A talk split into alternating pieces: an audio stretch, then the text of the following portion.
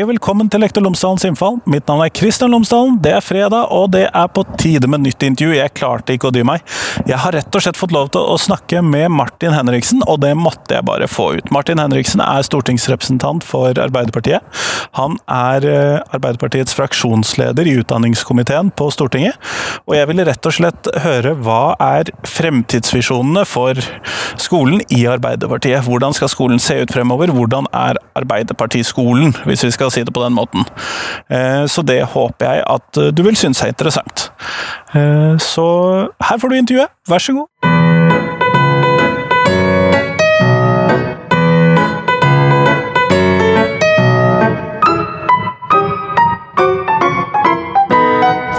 Hei! Før du får intervju på podkasten, så vil jeg bare fortelle at jeg har opprettet en Patrion-konto til Lektor Lomsdalens innfall.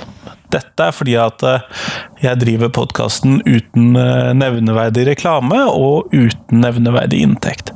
Det koster ikke så mye å lage en podkast som eh, min, men det koster lite grann, og jeg hadde håpet at jeg kan få litt støtte og hjelp til å drive podkasten videre.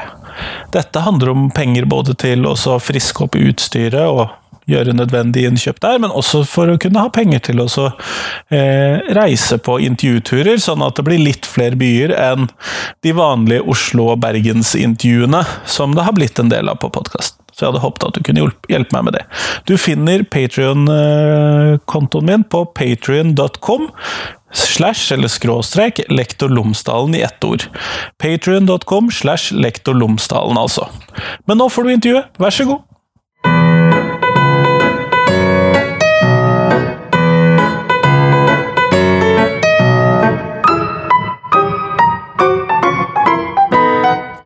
Martin Henriksen, tusen takk for at du tok deg tid til meg nå på Setthagene. Takk for at jeg får lov å komme. Endelig. Ja, vi har jo prøvd å få til dette i et år nå, så Det har vi. Eh, før vi starter, kunne du ha fortalt lytterne mine tre ting om deg selv, sånn at de kan bli litt kjent med deg? Ja. Um, jeg er snart 40, og det føles veldig skremmende. Uh, sitter på Stortinget for Arbeiderpartiet fra Harstad i Troms. Uh, og så uh, har jeg en sønn på fire år, så da er jeg har jobba med barnehage og skole nå, eh, også i forrige stortingsperiode, men har blitt ekstra opptatt av det og ser det jo fra noen andre vinkler når man eh, sjøl har barn som er i den alderen. Det ble enda mer relevant? Enda mer relevant, og ikke minst så tenker jeg veldig mye på at den fireårige poden om to år skal begynne på skolen, og hva slags skole er det som møter han da? Eh, og får det mye tettere inn på livet. Eh, og det er jo nettopp det jeg har lyst til å spørre deg om. For hvordan skal denne skolen se ut hvis du og Arbeiderpartiet fikk bestemme? Hvordan ser Arbeiderpartiskolen ut? Ja. Nå fikk noen helt hjerte, eh, sånn hjerteflimmer der ute av de som hørte på, er jeg helt sikker på. Men hvordan ser den skolen ut? Det er jo et veldig stort spørsmål. Uh, da, jeg vil begynne med å si faktisk, og det her burde jeg kanskje ikke gjøre som politiker som har lyst til å få opp konfliktlinjer og sånn, men det er at vi skal fortsette alt det som gjøres bra i skolen, alle de gode initiativene. For det er Jeg, jeg syns det er veldig bra at vi i, blant politikere i Norge og blant partiene er enige om en ganske stor del av skolepolitikken. Fordi at den har blitt mer forskningsbasert enn den var for 20 år siden. Vi har bedre kunnskapsgrunnlag. Uh, og uh, jeg syns det er viktig også at lærerne har noen faste holdepunkter å forholde seg til, så de vet hva som forblir det samme. Kompetanseheving, satsing på tidlig innsats. Men det som si, det overordna for Arbeiderpartiets skolepolitikk, det er jo å sette alle elevene i stand til å eh, lære det de trenger å lære for å klare seg i livet videre. og da er Det det handler om fag, det handler om grunnleggende ferdigheter, om kompetanser. Eh, men også at vi er opptatt av det som tidligere har stått om at eh, man skal bli gangs menneske. Eh, at eh, elevene skal både lære og de skal trives. Eh, og de skal få med seg også noen, noen verdier i tillegg til skolefagene. Det er liksom det store overordna svaret. og da da får du en ganske stor En stor overbygning. Ja. At vi har en skolepolitikk som ser hele mennesket. Det er både, det er både læring, trivsel, holdninger.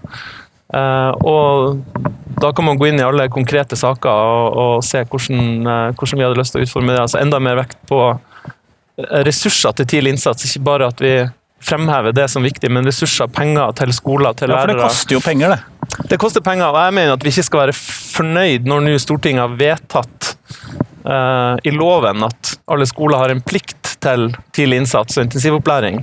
det må følge midler med, for det er klart de som er lærere som står ute i en hektisk hverdag i klasserommet, de trenger hjelp og støtte til å gjøre det som vi politikere sier er viktige mål i skolen. Ja, fordi at denne fireåringen din da, om to år vil jo da havne i en klassesituasjon med mange Mm. andre klassekamerater, og kanskje ofte én lærer som Ja. står der. Det vil han gjøre. Og Da må det være penger til flere der. Ja, og nå er det jo kommet en lærernorm som jo snart er, er fullt innfasa. Det er jo vi veldig eh, glad for.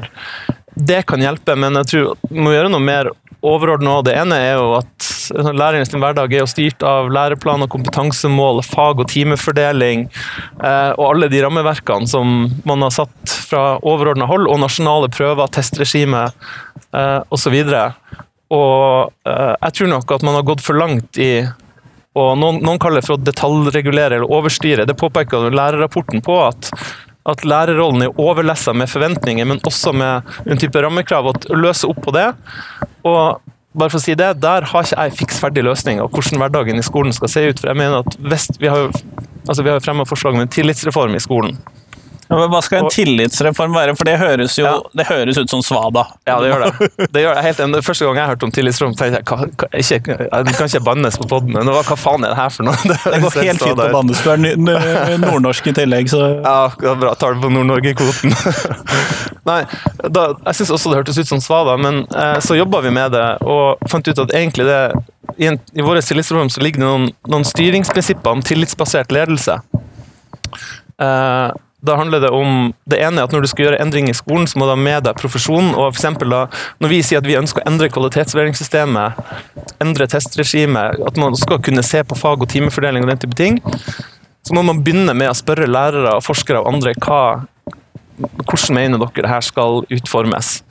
Eh, Det er på en måte første steget. Og så mener jeg også at tillitsreformen, det som ligger i tillitsbasert ledelse, er både å gjøre det veldig tydelig hva er lærerne sin frihet, men også ansvar. Hva er det politikere skal legge seg borti og ikke skal legge seg borti? Og ikke minst, hva er det vi skal gjøre på nasjonalt nivå i regjering og storting? Hva er det man skal gjøre på lokalt nivå som politikere? eh, Og admi- og administrasjonen i kommunen. For vi har sett en del eksempler på overivrige politikere og administrasjoner som ilegger bestemte kartlegginger, bestemte måter å gjøre ting på, metoder. Eh, og det er ikke den beste måten å utvikle skolen på. Så for oss så handler det både om å vise lærerne tillit, men også å gjøre det veldig tydelig hvordan styrer vi skolen best mulig, så at man får den tilliten. Det er mulig det her også hørtes ut som litt svada, men vi har jo fremma noen konkrete forslag for, for å få det her til. Så. Ja, Men denne tilliten det er, Veldig mange lærere opplever jo at de ikke nødvendigvis kan si det de vil om eh, skolen sånn som Ja. skolen drives. Ja, det er sant det. Og nå har jo også Simon Malkenes og den såkalte Malkenes-saken er jo er det som har blitt, eh, blitt mest diskutert. Men jeg tror det den visste, er at både i skolen, men, men også det jeg opplever som politiker, er at ansatte i helsevesenet, ansatte i barnevernet, i veldig mange si, offentlige eh, institusjoner, vegrer seg for å snakke. Ikke fordi at de nødvendigvis kan bli møtt med formelle reaksjoner, men uformelle. altså De kan bli forbigått eh, når det gjelder både lønn og, eh, og, og ansvarsområder osv. Så, når vi hadde en debatt om det her i Stortinget nå i høst, så sa jeg rett og slett at eh, alle bør ha sin egen Malkenes. uh, og alle, alle som har møtt han Simon Malkenes eller diskutert med han, vet jo at han kan være pest og plage. Og han, han er den typen som ikke rekker opp handa uten å ha blitt spurt, og svarer ikke på spørsmål. Han stiller sine egne spørsmål og er rett og slett litt plagsom. Men sånne folk trenger vi Uh, i offentlig sektor. Vi trenger dem i skolen, vi trenger at de høres. Eh, sånn at man kan ta debattene om hva som fungerer og ikke fungerer i åpent, åpent lende. Eh, for jeg tror nok en del av det resultatfokuset man har hatt i skolen, der Oslo-skolen ofte blir trukket fram, altså med f.eks. rektorkontrakter Det har jo vært den mest synlige vært- varianten av dette. det har vært den mest synlige varianten rektorkontrakter. Det har vært forslag der om prestasjonsbasert lønn for lærere osv. Det er klart at da, da vil jo presset være å, for rektorene på de ulike skolene å, framstille skolen sin i best mulig lys, eh, uten at du nødvendigvis får opp de, de kritiske debattene man trenger. Så, så eh, her mener jeg at det er, et, altså det er et ansvar for oss nasjonale politikere og for kunnskapsministeren å gjøre det veldig klart at det skal være ytringsfrihet, selvfølgelig innenfor noen rammer. Man har jo lojalitetsplikt um, og, og åpenbart taushetsplikt i en del saker. Men at grunnholdninga må være at det er, det er arbeidsgiveren som har bevisbyrden dersom man ikke skal kunne uttale seg om saker. Eh, og ikke motsatt, som det ofte er, at lærerne si, legger et slags bånd på seg sjøl fordi de er redd for å uttale seg. Eh, Men du, du snakket i stad om dette her med at man kanskje ser noen endringer på dette med resultat og måljag og tester Mm. osv. Kunne du si noe mer om det? Ja, jeg synes han Steffen Handal har jo sagt det ganske bra. Han pekte på at pendelen svinger i skolepolitikken og har gjort det de siste si, par-tre årene. Eh, jeg mener at Ludvigsen-utvalget, da det kom, var ekstremt viktig. Det ble kanskje litt oversett. Uh, si, viktigheten av Putta i en skuff? Nei, Ludvigsen-utvalget ble nettopp ikke putta i en skuff. Det har jo hatt enorm påvirkning. Blant annet så har Høyre måttet endre sin skolepolitikk ganske drastisk pga. det. Uh, Men da den rød-grønne regjeringa på slutten av den rød-grønne regjeringsperioden satt ned Ludvigsen-utvalget, så, så tror jeg det er litt viktig å huske på hvorfor det skjedde. Det var for at i årene etter Kunnskapsløftet fra liksom, 2005-2006, så så man jo at fokuset var veldig mye på fag og ferdigheter, som var viktig. Det var riktig å gjøre det på den tida. Men det var fokus på fag, ferdigheter, på nasjonale prøver, på testing, på uh, resultater. Uh, og så måtte man rett og slett ta et lite oppgjør og, og stille seg spørsmålet ah, eh, hva er det elevene trenger å lære i skolen for å klare seg i, i framtidas samfunnsliv og arbeidsliv. Uh, satt ned i Ludvigsen-utvalget, og da kom jo dem med uh, med en ganske grundig innstilling som ble jo debattert, og det er enkeltforslag der man kan være enig eller uenig, men det fører til at nå i den politiske debatten så snakker vi om at det skal være færre mål, tydeligere mål i læreplanene, at elevene ikke bare trenger fag og ferdigheter, men de kompetansene for å klare seg i framtida. Altså 21st century skills, som også OECD snakker om. Altså kreativitet, problemløsning, kritisk tenking eh, og den type kompetanser. Og det har jo ført til at den, til at den skolepolitiske debatten faktisk har endra seg en del. Eh, Vi i Arbeiderpartiet har måttet se kritisk på deler av vår skolepolitikk. Høyre har jo snudd i flere saker. Jeg husker jo i valgkampen i 2013, da Høyre gikk til valg på, eh, gikk til valg på å doble antall læreplanmål. Det får du ikke en Høyre-politiker til å si i dag. Det hadde sett grusomt ut. Det hadde sett grusomt ut. Eller at Høyre, Høyre også eh, da, for noen år siden foreslo eh, at lærerne skulle skrive, eh, altså rapportere på hver elev i engelsk, norsk, matte og naturfag. Eh, og det ville ha betydd at Hvis du bare hadde én rapport i hver av de fire fagene, så ville det betydd at norske lærere skulle ha skrevet 2,4 millioner flere eh, rapporter. Eh, den type forslag er det nesten utenkelig at en norsk skolepolitiker, til og med om det er fra Høyre, skal, skal komme med i dag. Så debatten har flytta seg. Og så gjelder det selvfølgelig å ikke gå i den andre grøfta, men Uh, um, Ja, for vi kan ikke dra helt ut på en sånn kontrollløs eh, affære heller. Nei, det kan vi ikke. Men, men det som uh, jeg tror er viktig at vi politikere sier, det er jo at vi skal, vi skal ha god kunnskap om skolen. Men vi skal vite det som er nødvendig. Og så trenger vi å gjøre noen ting med kvalitetsvurderingssystemet, sånn at sånn at nasjonale prøver, eh, kartleggingsprøver og det, det kvalitetsvurderingssystemet vi har, i, i større grad støtter opp om lærerne sitt arbeid.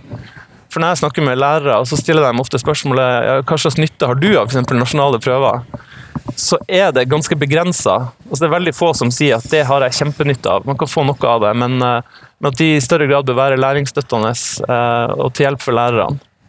Ja, fordi at eh, Min oppfatning av nasjonalprøver er at det ofte er noe som brukes for å sjekke skoler opp mot hverandre mer enn noe annet. Ja, det kan for så vidt stemme. Jeg tror det er viktig at vi har altså, f.eks. for eksempel at vi er med i PISA, eh, og at vi har nasjonale prøver i en eller annen form. Eh, At vi skal ha god kunnskap om, eh, om skolen. Også fordi si, debatten om ytringskultur det er klart at hvis, hvis, hvis du legger resultatpress på rektor, og de nærmest skal selvrapportere om tilstanden på skolen, så er jeg ikke sikker på at vi hadde fått en bedre skolepolitikk. Men, men at her er et eksempel på, som jeg snakket om på tillitsreformen, at her, her bør vi begynne med at, at lærere, forskere, elever, fagfolk setter seg ned. Eh, at vi gjerne setter ned liksom et, eh, et regjeringsoppnevnt utvalg, nærmest. eh, for at de skal foreslå endringer i kvalitetsvurderingssystemet. At du starter der. Eh, og jeg tror det er en bedre måte å gjøre endringer på i skolen enn at vi har en politisk debatt i Stortinget og så vedtar det i en annen retning. Det gjør vi av og til i mindre saker, men det er klart at varige, skal du ha varige endringer i skolen som står seg over tid, så står det mye sterkere hvis det er begrunna eh, og tar utgangspunkt i det profesjonen og lærerne eh, sjøl ønsker. Da kan det stå seg over flere politiske skiftende politiske flertall over tid.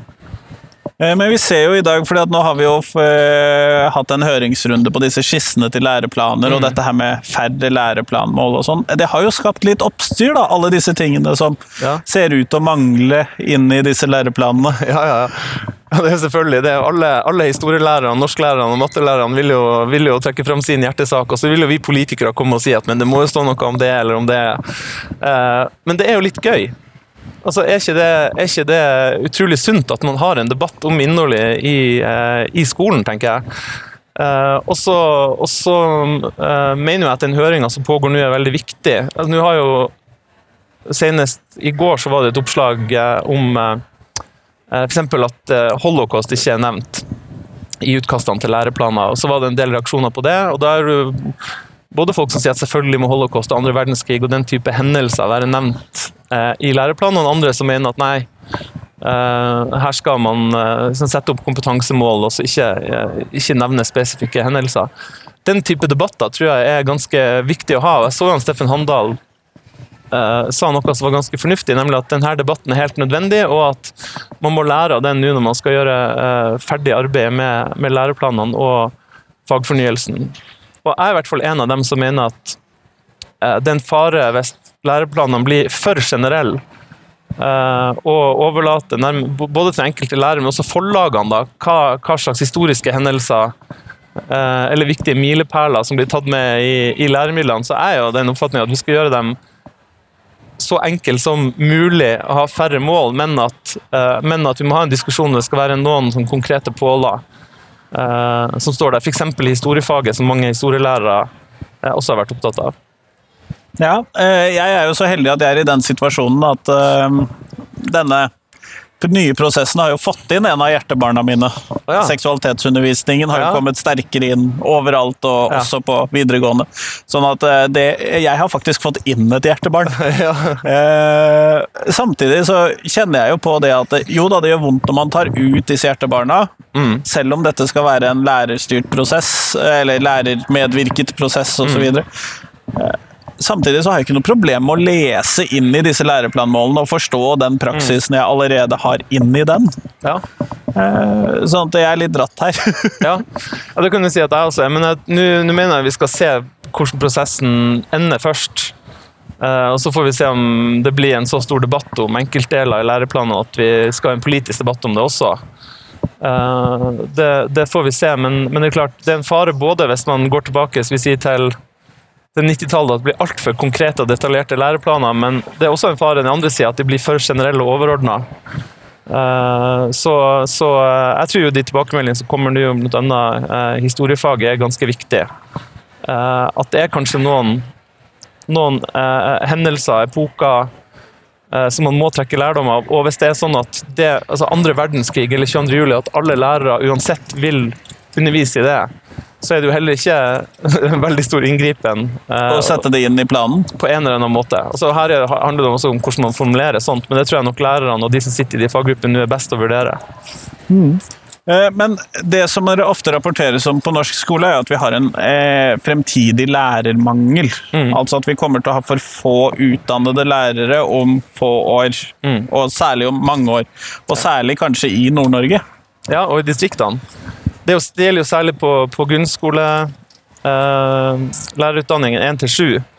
Uh, at det er der man snakker om den største mangelen. Jeg mener at dette er en sånn lærermangel, en lærerkrise, som man har gått, uh, gått mot med åpne øyne. Marsjert inn i den? Marsjert inn i en, inn i en lærermangel. Altså barnehagelærere har vi nok av. Mener, derfor mener jeg at vi kan gjøre for pedagognormen mer ambisiøs, opp til 50 Barnehagelærere Eh, men på, på eh, grunnskolen er det helt åpenbart at vi er nødt å gjøre mange ting, både for å få rekruttert flere til å starte. Eh, vi må se på mattekravet, om det er det lureste, lureste kravet man skal stille til framtidige lærere.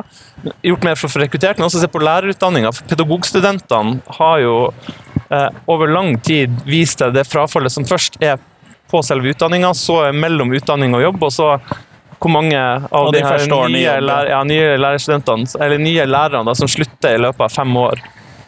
Uh, og Det handler både om status og antagelig som lønn, som Utdanningsforbundet er veldig flinke, flink å påpeke, men man må sette inn tiltak for å bedre lærerutdanninga. Uh, og det at vi får veiledningsordning, mentorordning for nye lærere, tror jeg er veldig viktig. Men jeg mener jo også at man må se på intensiteten i lærerutdanninga. Det vet jeg at det litt, uh, kan være litt kontroversielt. Uh, men det er ikke noe kontroversielt i å stille krav til både de som skal bli lærerstudenter, og når de er på, på studiet. Men her er det ikke noe sånn quick fix. Jeg mener, vi, altså, vi, har jo lagt fram en lang rekke tiltak i Stortinget. Nå har SV et forslag også med 13 tiltak for å få flere lærere. så Dette blir jo debattert på Stortinget, men jeg mener at uh, er det én ting vi må sørge for at vi ikke gjør feil, så er det jo å være for passiv nå, sånn at det lærermangel virkelig virkelig eh, liksom slår ut i norske klasserom om noen år. og Da er det jo særlig distriktene og f.eks. Nord-Norge som Ja, Byene vil jo ikke slite med dette. Ja, det kan godt hende at man vil få utfordringer i, eh, i byene òg, men særlig i distriktene vil man få utfordringer. Også sett sammen med, med kompetansekravene, uh, som, som, vi er for, men som vil jo skape utfordringer på småskolene, der lærerne gjerne har flere fag enn bare de de har kompetanse i. Ja, eller har 60 studiepoeng i. da, 30 eller 60 studiepoeng. Eh, og så Siste som jeg nesten bare må spørre om, litt av eh, fordi at jeg er interessert i det, men, eh, og det er litt på siden av det vi har snakket om tidligere. Eh, er jo dette her med denne stipendordningen, dette kuttet i stipendordningen. Ja, For studenter på høyere utdanning? Ja. ja. Eh, dette kan jo ikke gå igjennom. Jeg tror det går igjennom. Eh, Regjeringa har foreslått å endre konverteringsordninga, så du får mer omgjort til stipend når du tar en hel grad istedenfor si, eksamen hvert år, sånn som i dag. Jeg tror det går igjennom, fordi nå er det inngått et budsjettforlik mellom regjeringa, som har foreslått det, og KrF, og de har ikke gjort om på det, eh, det kuttet. Og jeg synes jo det kuttet, eller innstramminga vil jo Eller regjeringa vil si at det er endring for å få flere til å fullføre en hel grad. Eh, så vil jeg kalle det innstramming eller et kutt, men det, det er klart Her mener jeg at regjeringa ikke, eh, ikke har greid å forene på den ene sida hensynet til hvordan vi får økt gjennomføringa i høyere utdanning, som er viktig, og hensynet til Eh, F.eks. studenter som sliter eller som bytter studium. For det er helt klart at dette kan ramme mange studenter som har valgt feil. Og en sånn endring der du straffes økonomisk for å bytte studium, det vil jo i mye større grad tvinge studenter til å låse dem fast til studium de, de kanskje ikke er motivert til å ta.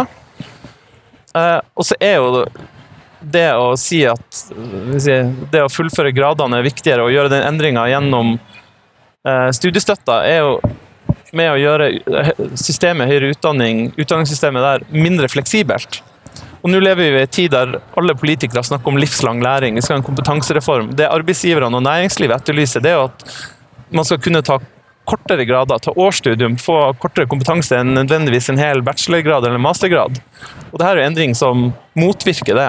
Så jeg mener det er veldig uh, uklokt. Nå merker jeg at jeg kunne snakka lenge om det her, og litt etter, at jeg drar her fra Z-dagene, så skal jeg jo på den studentdemoen som er i Oslo, og holde appell og rope, rope ut uh, ivrige slagord mot, uh, mot, stipendkuttet. Men her mener jeg at regjeringa kunne spart seg. De har ikke noe godt forskningsgrunnlag for å si at dette tiltaket, denne endringa vil føre til høyere gjennomføring. Det Senest i går spurte jeg høyere utdanningsministeren om det i Stortinget, og uh, det er litt spinkelt grunnlag. For meg så virker det som at her trengte de penger. De fant det 256 millioner på den konverteringsordninga. Det, det, er ikke en god grunn til å gjøre endring i studiestøtta. Du trenger pengene.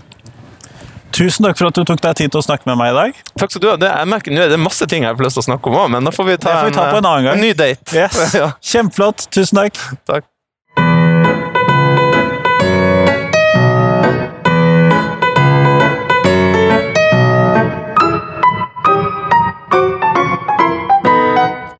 Tusen takk til Martin, og tusen takk til deg som hørte på. Eh, nå har jeg fått eh, hørt fra flere forskjellige politiske partier om hva de tenker om norsk skole i fremtiden, men jeg må innrømme det at jeg er langt fra ferdig der. Så om du tilfeldigvis skulle være eh, politisk talsperson for et utdanningspolitisk talsperson for et politisk parti, så ville jeg blitt veldig glad hvis du tok kontakt og så lurte på om eh, du kunne bli med på podkasten. Eller hvis du tilfeldigvis kjenner en av den sorten, så kunne du kanskje be de om å sende meg en mail, fordi det ville jeg blitt veldig glad for. fordi at eh, politikk er en viktig side av utdanningen, og hvordan vi skal forme den fremover. Men i hvert fall, eh, nå skal jeg prøve å holde meg uten disse doble intervjuene. Så satser vi på at det neste podkastintervju kommer på tirsdag, og så på tirsdag, og så på tirsdag. Så får vi prøve å komme oss gjennom desember på den måten. Men i hvert fall, fram til tirsdag så får du ha en god helg. Hei, hei!